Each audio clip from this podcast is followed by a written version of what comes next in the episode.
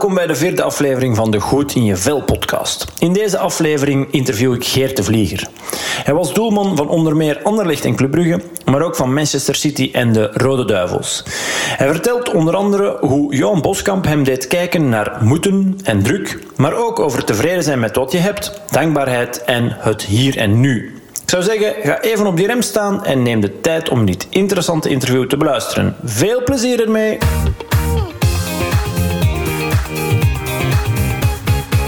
Geert, ehm, in ieder geval eh, bedankt om eh, even tijd voor mij vrij te maken.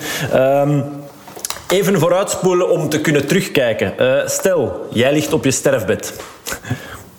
Hopelijk duurt dat nog wel lang, maar welke dingen wil jij je dan vooral herinneren?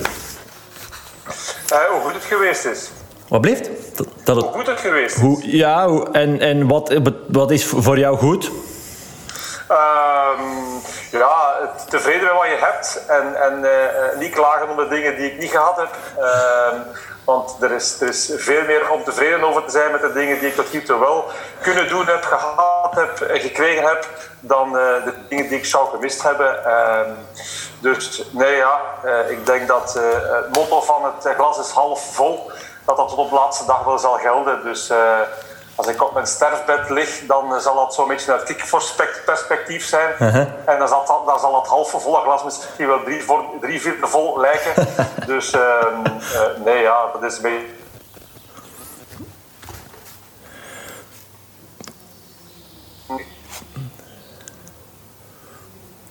Oké, de verbinding is hier een klein beetje. Uh, um, dus ik heb nog uh, van kickforce perspectief en dat het glas dan drie vierde vol zal, zal lijken. Dus ja. um, ben jij een uh, positivo in hart en nieren, mag ik dat zo stellen? Of? Een, een, positieve realist, een positieve realist, dat wel. Oké. Okay. ik, ik, ja, ik bekijk het inderdaad altijd van, van, van de best mogelijke kant, maar ik, ik besef ook wel de realiteit en, en dat dat vult elkaar sterker aan naarmate je ouder wordt. Dan gaat al dat echte dromerige toch een beetje weg. En dan denk je van oké, okay, dit is de realiteit. Maar uh, ja. Ja. als je die van op een positieve kant bekijkt, dan is dat uh, dan, uh, zeker in mijn geval pas, valt dat best goed mee. Oké, en, en over dat dromen ga ik het straks misschien nog, nog wel even hebben, want je, je haalt dat net aan. Ehm, kan je dat um, benoemen, dat je zegt van oké, vroeger misschien als, als ik jonger was, was ik misschien nog, nog meer echt die, die positivo, en nu is het een, meer een positieve realist geworden, dat je daar inderdaad, je zegt met de leeftijd, heeft dat wel iets te maken dat je toch niet iets anders naar het leven kan kijken kan je daarop, als je terugkijkt, uh, voor jezelf een, een, moment dat je zegt, goh, van die moment begint dat toch net iets anders te, te zijn? Uh. Ja, ik bedoel, als je, als je klein bent, dan denken we allemaal dat we naar de maan gaan vliegen en dat we brandweerman gaan worden en dat we profvoetballer gaan worden en dat we in een kasteel gaan wonen en, en uh, uh, weet ik wat allemaal. Dus, uh, dat, is, dat is leuk. maar, maar dan neemt niet weg dat je, dat je later beseft dat er bepaalde dingen niet realistisch zijn. Maar dat, ja, dat je geen helikopter nodig hebt om, om goed door het leven te gaan uiteindelijk. Nee, sowieso. Al die zelfs. Dus dat zijn dan ook geen dingen die je mist. Maar ehm, ja, een dag zoals vandaag, mooi weer. En denken van ik spring straks de fiets op en ik ga fietsen langs het water. En ik geniet van de mooie dingen die ik tegenkom. Ja. ja dat, ma dat maakt mij dan veel gelukkiger dan dan een helikopter, zeg maar. Dus, ja, of in een kasteel wonen. Het, het, verandert een beetje, maar het, het, vermindert daardoor niet natuurlijk. Nee, nee, dat is denk ik wel heel mooi, uh, mooie ingesteldheid, sowieso. Um, misschien moet ik ook even vragen voor degene die um, ja, deze podcast, want dat is het, hè, dus een opname voor een podcast, um, luisteren en niet weten wie Ger Geert de Vlieger is. die ja, misschien niet zoveel van voetbal, degene die, voetbal kennen, die, uh, ja goed, die Oei, ben jij er nog? Want ah, je was ineens weg. Uh, ja, dus uh, wie is Geert de Vlieger? Als ik... Uh, Geert de Vlieger is uh, iemand die heel zijn actieve carrière gevoetbald heeft. ik ben op mijn achttiende als profvoetballer begonnen tot mijn 40ste. Ik heb 22 jaar profvoetbal gespeeld. Uh, dat is begonnen via toen nog SK Beveren, over Anderlecht, uh, over Willem II in Nederland, Manchester City in Engeland onder andere. En uiteindelijk via Zulte Waregem en Club Brugge uh, heb ik mijn carrière geëindigd op mijn 40ste een kleine tien jaar geleden, negen jaar geleden nu, ja. 2011. En dan na mijn actieve voetbalcarrière heb ik ja, mij een beetje heroriënteerd, een beetje uitgekeken wat ik zou gaan doen. Uh, ik heb de, de trainersdiploma's wijselijk aan de kant laten liggen. En ik ben uh, uh, voor de sportzender PlaySports, toen Sporting Telenet, aan de slag gegaan. Mm-hmm. En ik doe dat nu negen jaar later nog altijd met heel veel enthousiasme.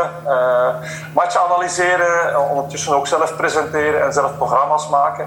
Okay. Dus ja, ik heb ook na mijn actieve voetbalcarrière wel mijn, mijn weg gevonden. Ja. Oké, okay, heerlijk toch. Hè? Ja. Dan wil ik het misschien ook nog even inderdaad over die twee carrières. Want je hebt eigenlijk, als je daar nu op terugkijkt, al twee carrières.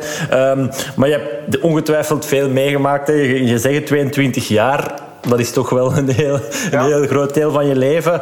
Um, als je daarop terugkijkt, eh, die vraag zal je ongetwijfeld al, al veel gekregen hebben, maar het is een beetje cliché, ik weet het, maar het mooiste moment, ik vraag er toch maar even, of, of, of zo'n paar dingen dat je zegt, goh ja, dat was toch wel memorabel. Ja, uh, als, ik, als ik daar misschien één ding moet uithalen, dan, dan denk ik spontaan terug aan het WK 2002, waar we met uh, België uh, in Japan, het WK was toen in Japan in Zuid-Korea, ehm, toch wel een mooi parcours afgelegd hebben voor een, voor een generatie die toen niet zo getalenteerd was als de generatie huidige Rode Duivels.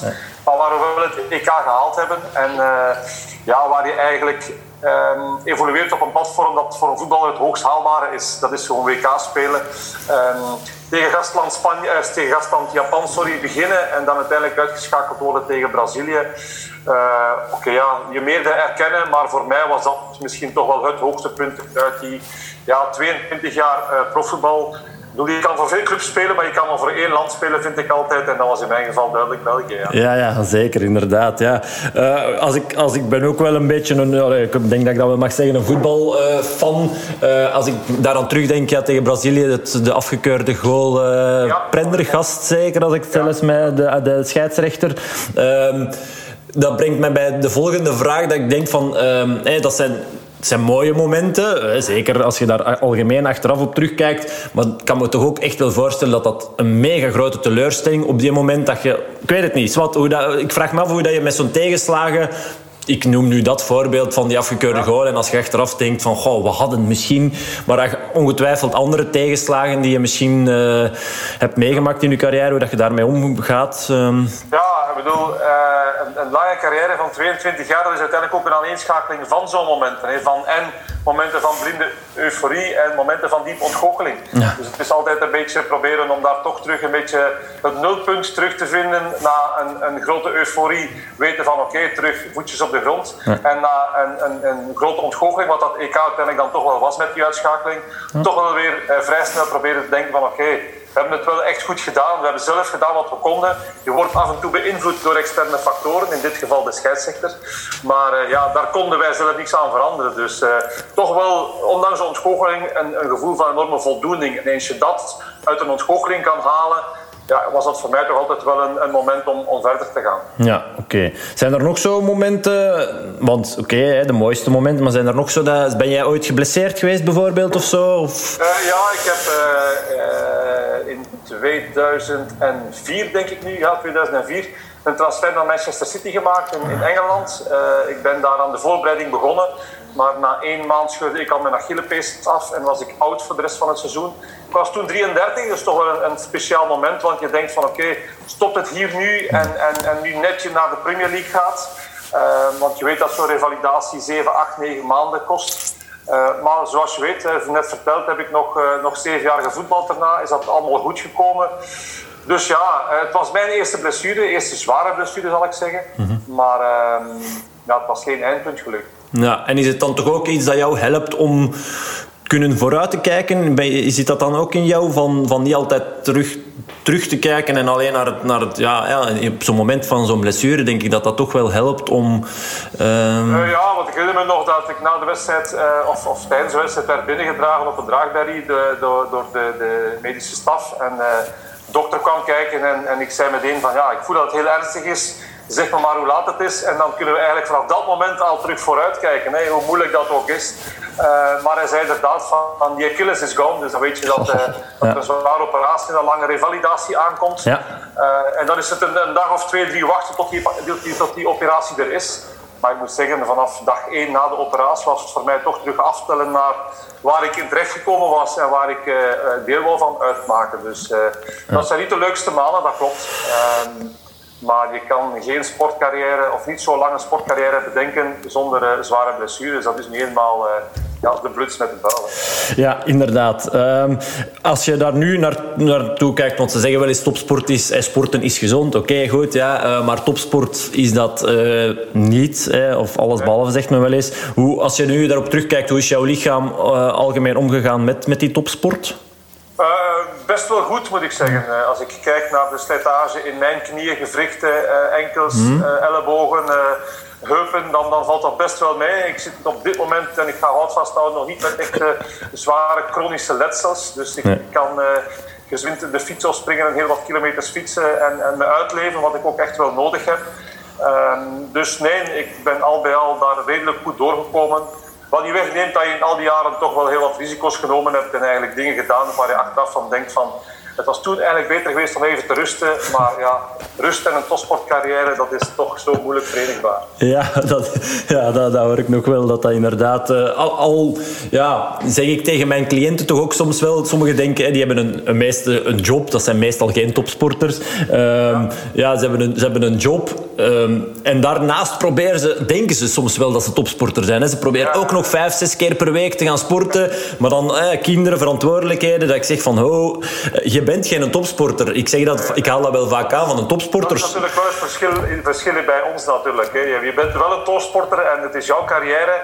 En het is uh, als je, als je uh, net iets te lang achterop, hinkt, dan wordt je plaats ingenomen. Hè. En als ik nu ga sporten en ik heb het heel druk, dan denk ik van oké, okay, vandaag niet gefietst, dan morgen maar. En nu kan dat natuurlijk wel veel beter. Ja, wel. Het is dat, dat is denk ik een, wijze, wijze raad ook voor de luisteraar. Dat het misschien uh, het eens niet doen, dat het soms beter is uh, dan het wel doen. Want dat is echt, dat, dat, de mensen kunnen dat soms niet begrijpen. Hè. Zo, ik moet gesport uh, hebben, ja.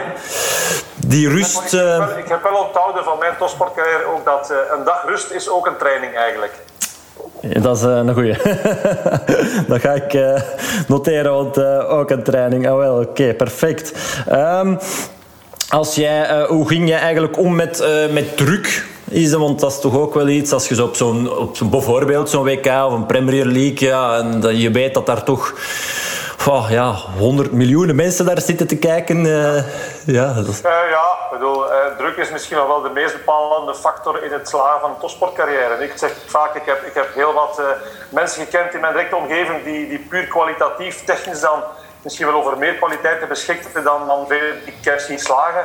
Maar in topsport gaat het, gaat het net om omgaan, omgaan, met druk en om het plaatsen van emoties en om het uh, uh, kunnen presteren onder, onder, onder, die, uh, onder dat vergrootglas natuurlijk. Hè. Ja. in, mijn geval, in mijn geval was dat, was dat toch vooral focussen op, op de job. En, en ik had altijd zo het gevoel als je je concentreert op waar je mee bezig bent en je kan de randzaken afsluiten, is eigenlijk 90% van, van, van, van je taak gaat de goede kant uit.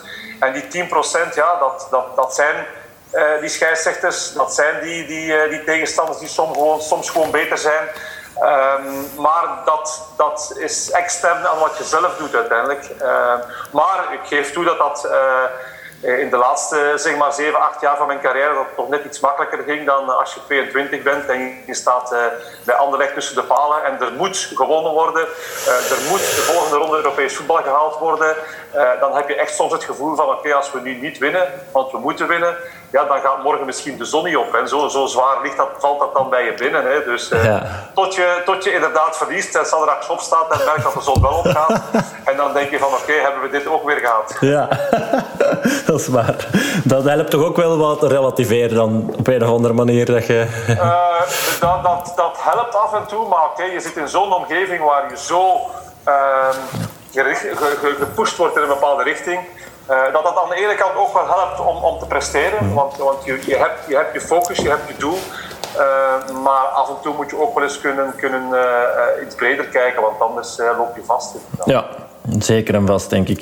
Um, je zei net van, oké, okay, het, het, kunnen plaatsen van die emoties, die randzaken uitschakelen. Had jij daar een, een, een trucje voor? Of iets dat, dat je zegt van, ah wel, dat zette ik in of dat deed ik of, of ik focuste uh, mij. Ja, nee, goede gewoontes en, en uh, goed zorgen voor het evenwicht. Dus dat betekent in mijn geval van, van de drukte van de topsport met alle commentaren, mensen, drukte en noem maar op. momenten van rust opzoeken en dat was is gaan golfen, is op je eentje op de fiets springen. echt proberen om, om, om dat evenwicht te vinden dat je weet van oké, uh, we hebben dit weekend een drukke wedstrijd gehad. We hebben verloren, heel veel commentaar, heel veel kritieken, uh, noem maar op.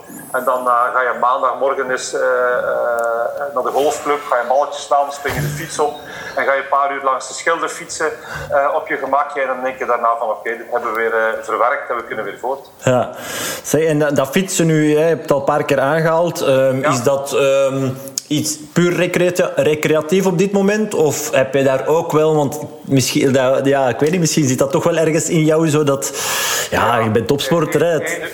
Eén wijze les, Frederik, een topsport fietst nooit zomaar, of sport nooit zomaar recreatief. Hè. Dat, nee, dat, wel. Is het, dat is de aard van het beestje uiteindelijk. Hè. Ja. En, en uh, ja, dat gaat dan dan begin je te fietsen en dan ga je een toertje van 50 kilometer maken en dan ben je aan 100 kilometer. En ik heb uh, twee weken geleden een tocht van 300 kilometer gefietst op één dag. Dus dat blijft toch wel een klein beetje uh, in je zitten.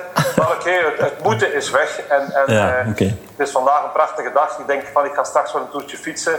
Maar als er iets anders tussen komt, ja, dan wordt het iets anders. Het, het moet niet meer. En, ja. en, dat is wel het leuke eraan. Maar ja, je wil, je wil wel graag natuurlijk. Ja. En dat, dat moeten, want dat, er is ook wel iets dat heel veel mensen ervaren. Hè. Zo, um, denk, allee, dat, ik, ik, ik ben zelf ook zo iemand, als het moet, dan, dan liever soms niet. Zo'n beetje de rebel in mij, ik weet niet. Um, dus ik denk dat dat ook wel een waardevol is om daar soms, ja, makkelijker gezegd dan gedaan, soms misschien wel om, om ja, die druk er ook weer op een of andere manier uh, af te krijgen. Hè. Dat, ja, maar ik moet dan altijd terugdenken aan de legendarische woorden van uh, Johan Boskamp, die trainer was van SK Beveren in, uh, in, uh, toen wij in denk ik 90, uh, los aan kop stonden in tweede klasse. Ja. En wij moesten kampioen worden, hè, want wij waren de beste ploeg. Wij, wij waren de duurste ploeg in tweede klasse toen. Ja. En iedereen ja, was voortdurend over onze ploeg bezig alsof wij, wij moesten kampioen worden. Mm -hmm. En Boskamp die voelde op een bepaald moment ook wel aan van oké, okay, dat moet en dat werkt wel een beetje bezwarend. Ja. Die is op een bepaald moment in de kleedkamer gekomen die heeft op zijn, op zijn typische Nederlandse Rotterdamse manier gezegd van kijk jongens, wij moeten helemaal niks maar wij willen zo verschrikkelijk graag. Ja. En het verschil tussen moeten en tussen verschrikkelijk graag willen, ja. is uiteindelijk ja, hetzelfde bereiken, maar met een heel ander gevoel. Ja. En, en, en, en ja, natuurlijk wilden wij allemaal verschrikkelijk graag kampioen worden. Uh, en dat is een veel leukere gedachte om, om op die manier een challenge aan te gaan, dan het gevoel te hebben van ja, wij moeten kampioen worden. En we zijn ook kampioen geworden. Ja, oké. Okay. Uh, en ben jij dan mee naar uh, eerste klasse uh, gegaan? Of? Ja, ja, ja, toch ja, ik ben dan meegegaan met Bever naar eerste klasse. Ik heb daar dan nog drie jaar in het eerste elftal gespeeld in eerste klasse met, met Beveren. En toen ben ik vertrokken naar Anderlecht. Ja, is dat misschien toch ook wel iets... Nu, het is geen voetbalpodcast, voor alle duidelijkheid. Maar uh, wat me nu te binnen schiet, een, een goede raad. Als je nu kijkt dat misschien de jeugd te snel wordt zot gemaakt, een hoofd wordt zot gemaakt, dat, dat jij toch nog drie jaar dan bij Beveren blijft. En... Ja, maar de, de, tijden zijn op dat vlak natuurlijk helemaal anders. Hè. Het was vroeger zo, als je, als je doorbraakt bij een middenmotor in België, dan speel je daar een paar jaar in, in de eerste ploeg.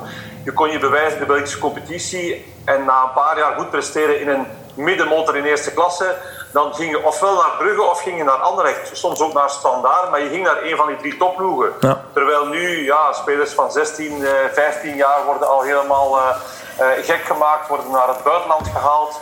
Dus het, het is ook, ja, ik denk dat het voor ons dan toch net iets makkelijker was om een, om een bepaalde lijn uit te stippelen dan, dan de, uh, de aanbiedingen en, en, uh, en de dingen die nu allemaal gebeuren.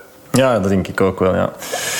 Um, goed, ja, um, daarjuist heb je het zelf al even aangehaald. Hè. Je hebt een, een, een hele lange, mooie uh, voetbalcarrière gehad. Je hebt nu een, een nieuwe carrière.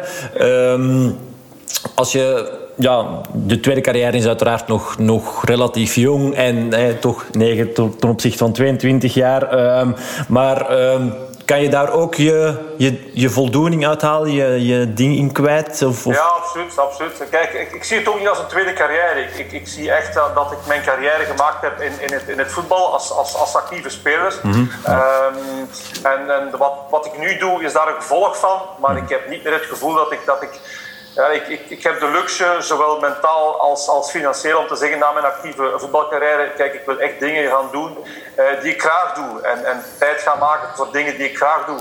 Uh, want uh, los van, van wat, wat zo'n sportcarrière opbrengt, vraagt het ook heel veel opofferingen. En ehm, ik, ik heb nu zoiets van, van ik, heb, ik heb tijd om hele leuke dingen te doen, maar ik heb ook tijd om, om wat familie dan betreft, daar heel wat tijd aan te spenderen. En ehm, ja, dat, dat, uh, dat verhaal van PlaySports van Telenet is, is op me afgekomen. Ik, ik heb daar naar gekeken en ik heb gedacht van oké, we gaan dat doen en we gaan kijken waar dat uitkomt. En uh, ik moet zeggen, tot op de dag van vandaag is dat, is dat heel leuk om te doen. Uh, reportages maken, mensen opzoeken, met mensen gaan praten over hun topsportcarrière.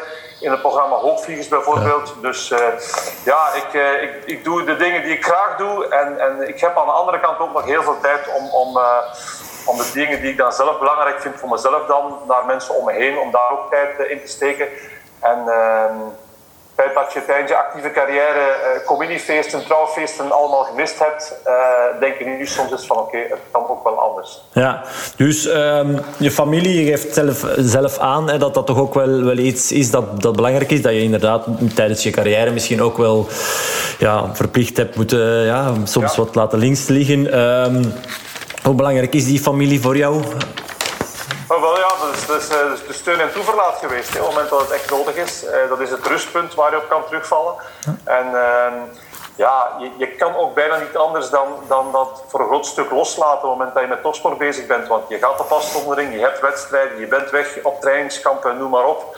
Dus, dus je, je, je, je, je doet dat ook omdat het zo hoort. Maar eens een carrière achter de rug is, had ik ook uh, ja, het gevoel dat de belangrijkste reden waarom ik geen coach geworden ben, is, is, is, is, heeft daarmee te maken eigenlijk. Omdat je als coach ja, dan sowieso weer in een verhaal stapt van, van uh, beginnen op maandagochtend aan de training en zondagavond na de wedstrijd is je week klaar. Dus uh, ja, dat had ik na 22 jaar topvoetbal wel een beetje gehad. En, uh, de indeling die er nu is, met, met best wel intensieve momenten en heel veel reizen ook, tot voor kort, toch afwisselen met, met heel wat andere momenten die, die tijd laten om, uh, uh, ja, om het allemaal een beetje los te laten.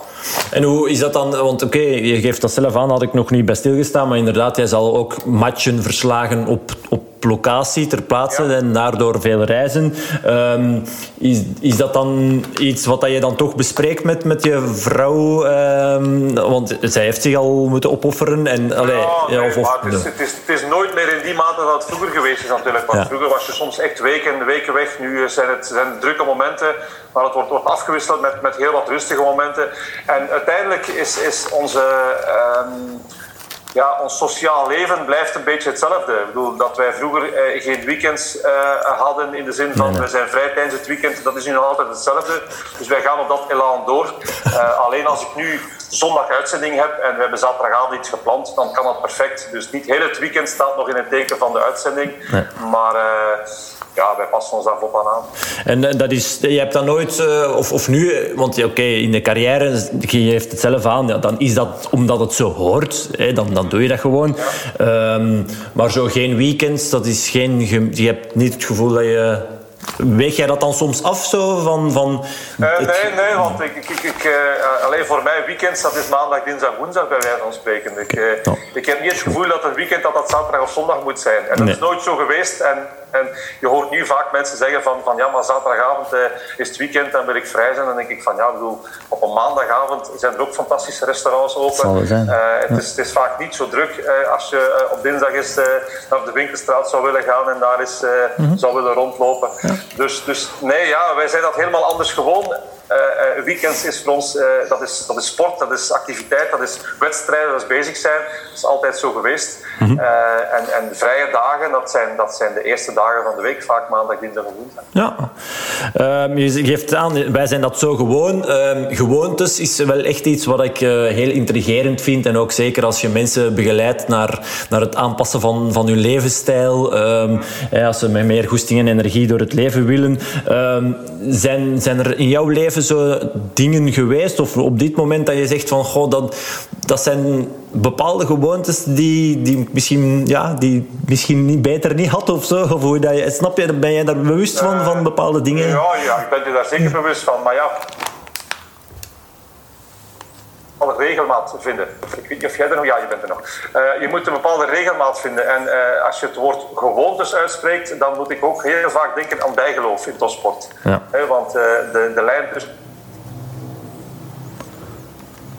die, die wordt soms akelig, akelig dun. Ja.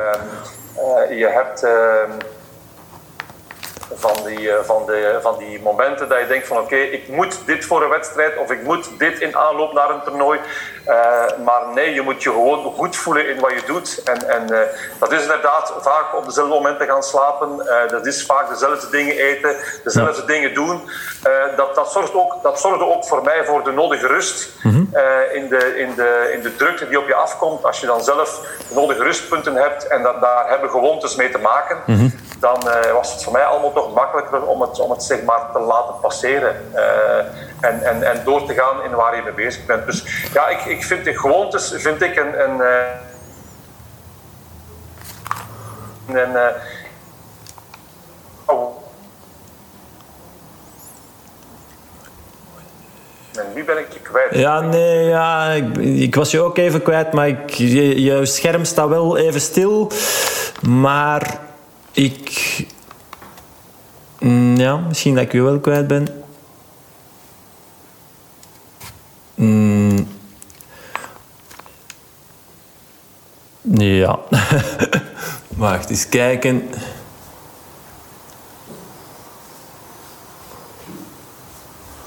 Hoe gaan we dat doen? Ja, Geert. Ah, oké. Ik hoor jou wel niet op dit moment. Wacht. Uh, kijken. Uh, participeren. Ja, nu wel. Perfect. Ja, Oké. Okay.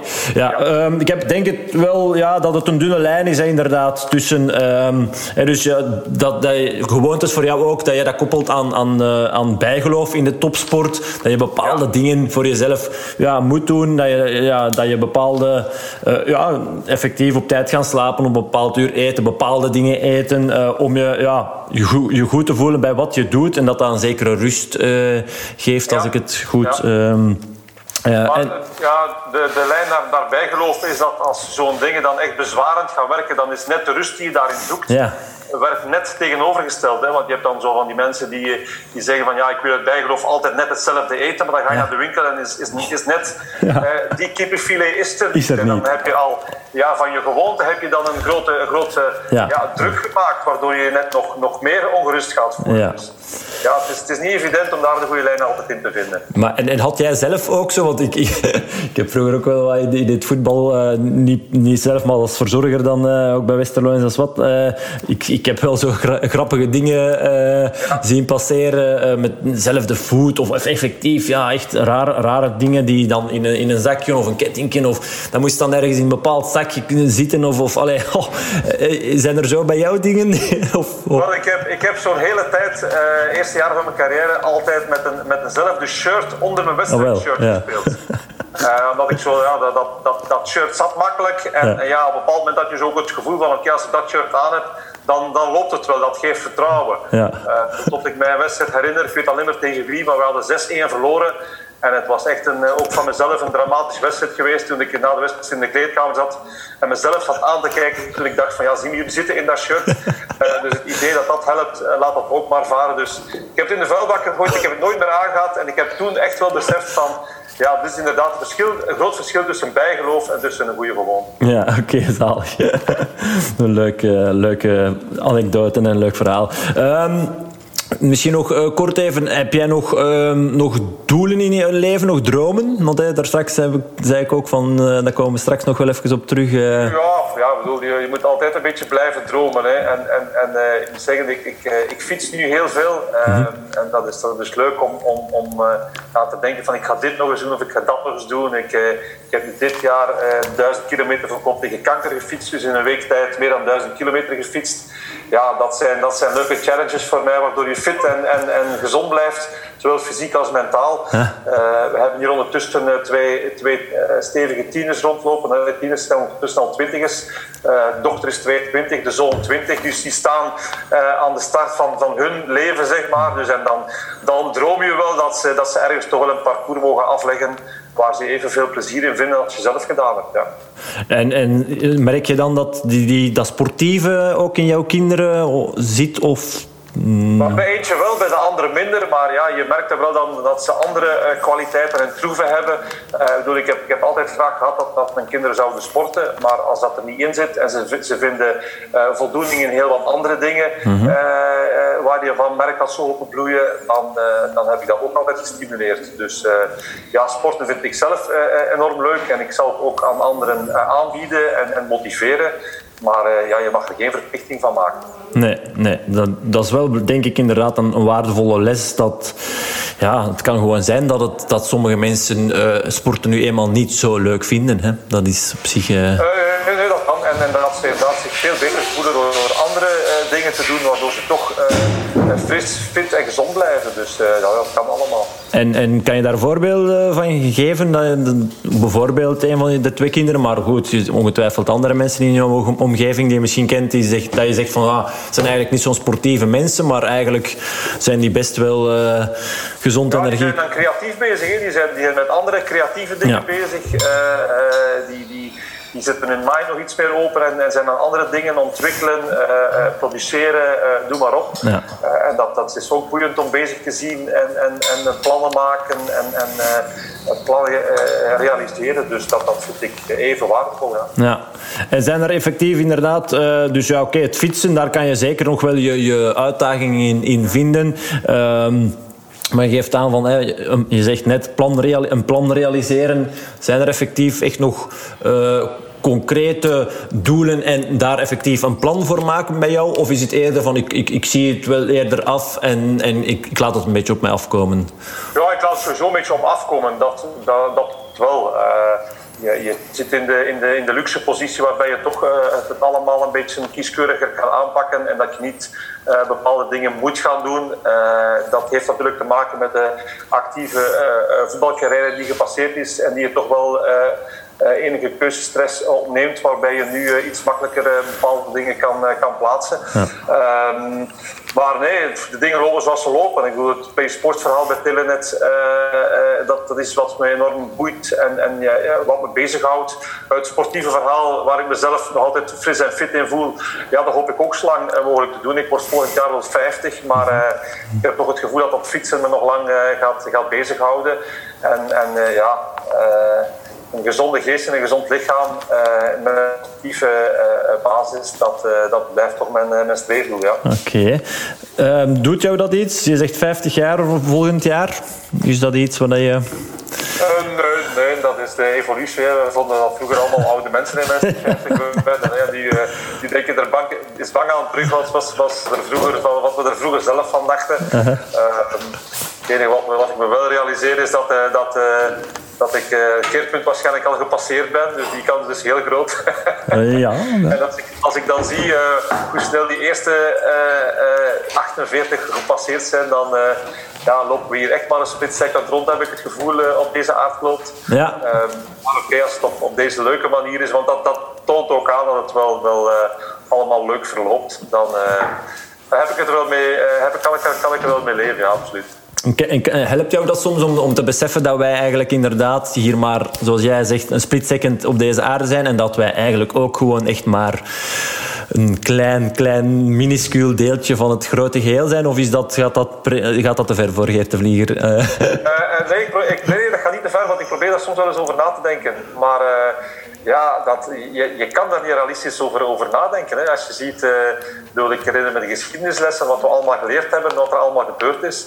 En dan, dan zal ik hier zelf rondgelopen hebben tussen 1971 en wat is het, 2000 en een beetje. Ja.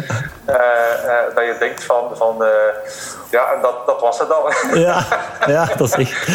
Maar, ja. dus, maar dat helpt ook, me ook wel te beseffen van, kijk, als ik straks op de fiets spring vanmiddag en het is stralend weer, ja, dan, dan geniet ik ook van wat ik zie. En dan denk ik ook van, oké, okay, dit pakken ze dan ook weer niet meer af. Nee. Dat heb ik gezien en gehad. En uh, ja, dat is het ook. En, en zolang je dat kan, uh, van, van, die, van die kleine momenten uh, genieten, dan, dan zeg het. die helikopter heb ik niet nodig. Nee, oké, jawel. Um, dus als ik het een beetje goed begrijp um, en kan samenvatten, dan, dan zeg jij ook van probeer gewoon ook gelukkig te zijn met datgene wat je hebt en, en ook te genieten van, van kleine dingen. Uh, dat klinkt, ook wel een beetje klef natuurlijk. Hè. Ik ja. van de kleine dingen. Maar uh, ja, ik, ik, ik, ben niet meer van de jongste. Je hebt al heel wat verhalen zien passeren in je naaste omgeving. Mhm. en dan gaat het over mensen die ziek werden of die andere tegenslagen gekend hebben. Dus dan, dan besef je ook van... ja, um, het is ook allemaal heel broos en kwetsbaar. Um, niet dat je daar constant moet aan denken, maar het, uh, het, geeft af en toe wel de realiteit mee. Je kan dan wel, zoals in mijn geval, positief zijn. Maar uh, ja, ik zie ook soms de realiteit rond mij en van mensen die net zoals ik dachten van het gaat mij niet overkomen. Um, daar, daar is niemand vrij van. Dus uh, nee, ik, ik, kijk echt uit naar uh, mijn fietstochtje straks. nee, geweldig. Uh, ja, misschien nog even ja, kort ehm, van inderdaad, je, ziet mensen in jouw omgeving ook. Ehm, ja, ja, het leven laten, laat ons zeggen. We zijn er straks erbij begonnen van oké, stel dat jij op je sterfbed ligt. Um, is dat iets, uh, hoe, hoe, ga je daarmee om? Want eh, ik weet niet of dat je ouders bijvoorbeeld, uh, of dat, dat zijn nog... Ja, die leven nog. En, en, ik, kan, ik kan me ook niet inbeelden dat dat wat mezelf betreft, uh, dat, je, dat je zou, zou vaststellen van oké, okay, het, het einde nadert bij wijze van spreken. Hè. Je ziet zo soms oma's en opa's van vroeger, dat je denkt van ja, oké, okay, die beseffen toch dat ze geen, geen tien jaar meer te leren hebben, bij wijze van spreken. Als je 85 bent, dan, dan weet je dat het moeilijk wordt. Ehm, dus ik kan me dat nu ook niet voorstellen. Ehm, maar ik, ik, ik, heb voor mezelf nu wel zoiets van: kijk, uh, mocht het morgen stoppen, dan uh, kan ik alleen maar dankbaar zijn hetgeen ik meegemaakt heb tot hiertoe. Ja. Dan, uh, dan zou ik het zeker te vroeg vinden. Ehm, maar als het dan een troost zou zijn voor de mensen die, die die achterblijven, dan mogen ze echt gerust zijn dat, uh, dat ik het absoluut de moeite vond uh, om hier, uh, ook al was het dan maar kort rond te lopen. Heerlijk, heerlijk. ja. Is dat dankbaarheid? Is, is, een heel waardevol gegeven, denk ik, om inderdaad je goed te voelen. Is dat wel echt effectief iets dat jij soms, of is het eerder omdat we het er nu over hebben, of is het echt wel dat jij soms inderdaad, zodat je tijdens de, fiets, tijdens de fietstochtjes misschien wel, dat je gewoon rondkijkt en dat je echt gewoon Dank, ik kan dat soms hebben. Ja, het, is, het, is, het, is, inderdaad dankbaarheid, omdat je ook, allee, ja, je moet ook beseffen van dit, dit is het. Hè. Ik, bedoel, uh, uh, ik heb ook niet het gevoel dat ik, dat ik ooit in een of andere vorm ga terugkeren. Dus uh, ik, heb, ik heb ook wel het gevoel van, van dit is het en, en dit, hier moet je van iets van maken. En, en ja, op het moment dat je hoofd neerlegt, ga je, het, ga, je het, ga je het allemaal niet meer weten. Dat is ook zo'n rare gedachte, maar dat is zo. Maar dus dat is, het is hier en nu. En, en, ja. Ehm, ja, okay. dat, is, dat is goed wat mij betreft. Ja, perfect. Oké, okay, uh, misschien nog om af te ronden nog, uh, nog één vraagje. Uh, als fitheid betekent dat je je gezond en energiek voelt, ehm, hoe op een schaal van 0 tot 100, hoe eh, fit en ja, dus gezond en energiek voelt ja. Geert de Vlieger zich op dit moment? Kan je dat? Oh, ehm, rekening houden met mijn leeftijd? Ja, tuurlijk. Ja, ja op dit moment. Ja, ja oh, dan, dan, dan, zit ik, dan zit ik ruim in de 90 op dit moment. Ja. Perfect. Ja, ja. ja ik bedoel, ik, ik, ik, eh, ik voel wel de beperkingen van, van, eh, van uh, naar de 50 te gaan. In die zin van de, de soepelheid en de lenigheid en de recuperatie die ik had als 25-jarige jonge doelman.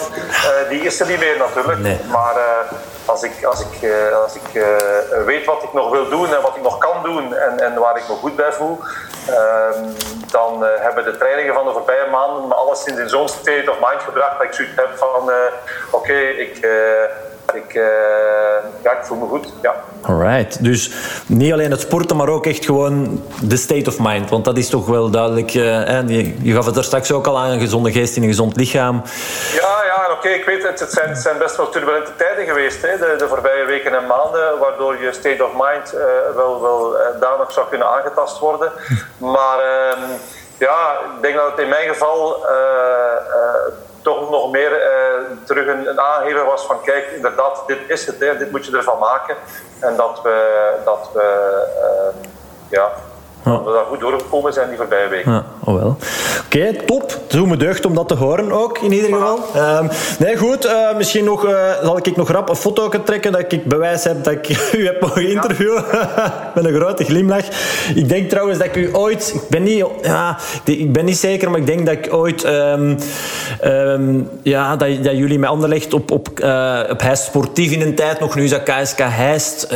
ik ben niet zeker of was het Philippe de Wilden in de goal. Ik, ik was toen als klein... Ik denk dat ik echt... Ja, wel... Ik durf het niet zeggen, maar als ik zo nu de foto trek van uw glimlach, dan, dan, uh, dan lijkt mij dat dat, dat toen... Uh, ja, dat was een van de voorbereidingswedstrijden daar toen. Ah, wel. Nee, um, in ieder geval uh, hartelijk bedankt voor, voor jouw tijd, voor, voor de goede ja, en leuke tips die je toch hebt gegeven om je goed te voelen. Dus ja, oprecht dikke merci in ieder geval. En, Maak er nog fijne dag van. Bedankt. Hetzelfde. Goed, geniet van je fietstochtje. Hè. Dankjewel. Dag. Zal ik het, Ziezo, ongetwijfeld heb je ook uit dit interview weer wat waardevolle inzichten gehaald die jou helpen om met veel goesting en energie door het leven te gaan en je goed in je vel te voelen. In de volgende aflevering interview ik Veerle Hermans. Zij is dokter en professor ergonomie aan de VUB. Ze geeft heel wat interessante dingen mee. Onder andere over hoe lang je mag zitten vooraleer je best even recht staat, maar ook over volhouden, genieten, uit welke boeken zij inspiratie haalt en zo verder. Meer dan de moeite waard om te beluisteren. Wil jij automatisch een melding krijgen als ik een nieuwe aflevering upload? Abonneer je dan even, mocht je dat nog niet gedaan hebben, op dit podcastkanaal. Waarvoor mijn oprechte dank